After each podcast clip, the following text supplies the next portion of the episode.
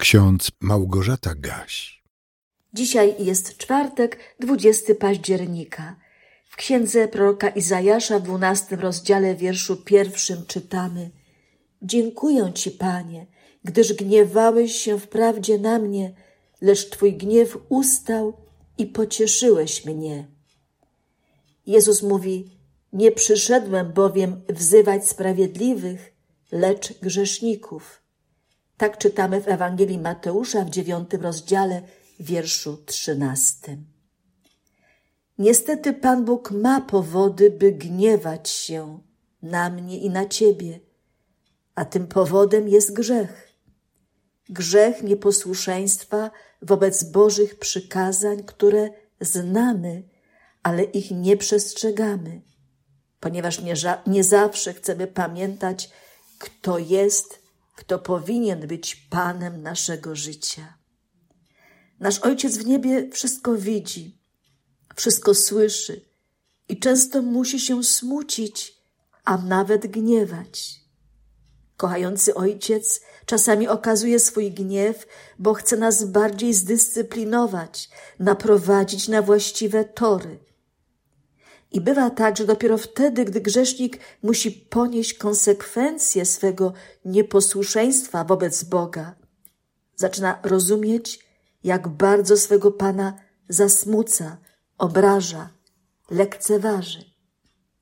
Dopiero wtedy, gdy dziecko na własnej skórze odczuje gniew kochającego ojca, postanawia coś zrobić, zmienić w swoim życiu, bo nie chce, by ojciec nadal się gniewał i był zasmucony. Dzisiejszy werset z dwunastego rozdziału Księgi Izajasza to początek pieśni dziękczynnej zbawionych.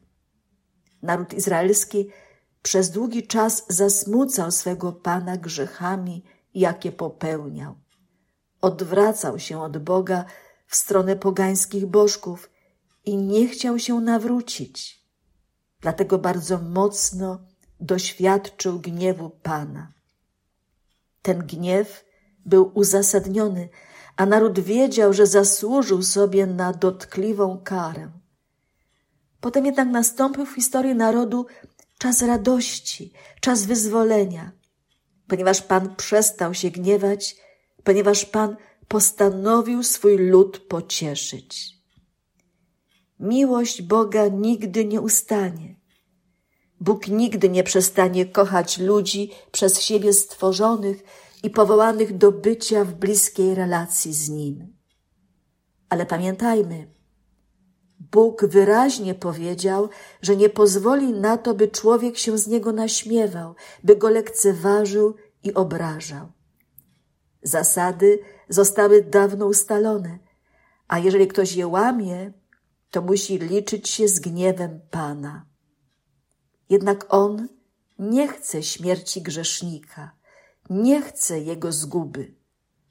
Dlatego sam przyszedł na ziemię w ludzkim ciele, w osobie Jezusa Chrystusa i mówił: Nie przyszedłem wzywać sprawiedliwych, lecz grzeszników.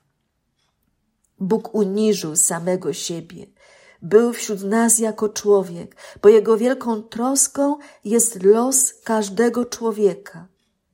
On pragnie zbawić każdego grzesznika.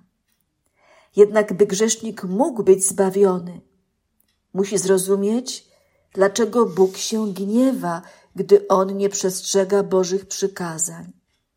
I musi szczerze swoje grzechy wyznać, pokutować, żałować, przyrzekać poprawę, a wtedy dozna pocieszenia ze strony Boga. Dotrze do niego Ewangelia o zbawieniu, jakie jest możliwe dla wszystkich, którzy w Synu Bożym rozpoznają swego Zbawiciela.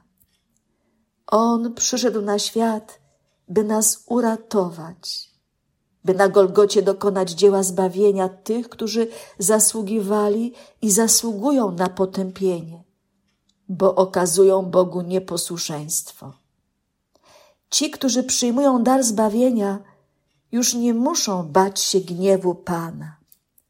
On pocieszył nas w doskonały sposób, posyłając na świat swego Syna, który zrealizował w pełni Boży plan zbawienia słabych, niewiernych, grzesznych ludzi, również mnie i Ciebie. W katechizmie heidelberskim odnajdujemy pytanie, które brzmi następująco. W czym znajdziesz jedyną pociechę? W życiu i wobec śmierci? W tym, że ciałem i duszą należę, zarówno teraz, gdy żyję, jak i wtedy, gdy umrę, nie do siebie, ale do Jezusa Chrystusa, mego wiernego Zbawiciela. I to jest naszą największą pociechą, gdy uświadamiamy sobie, że nie potrafimy żyć bez grzechu. Jesteśmy własnością Jezusa Chrystusa i dlatego już nie musimy drżeć przed gniewem Bożym. Módlmy się. Dziękuję Ci, Panie, gdyż gniewałeś się wprawdzie na mnie, lecz Twój gniew ustał i pocieszyłeś mnie. Oto Bóg zbawieniem moim. Zaufam i nie będę się lękał, gdyż Pan jest mocą moją i pieśnią moją i zbawieniem moim. Amen. A Bóg nadziei niechaj was napełni wszelką radością i pokojem w wierze, abyście obfitowali w nadzieję przez moc Ducha Świętego. Amen.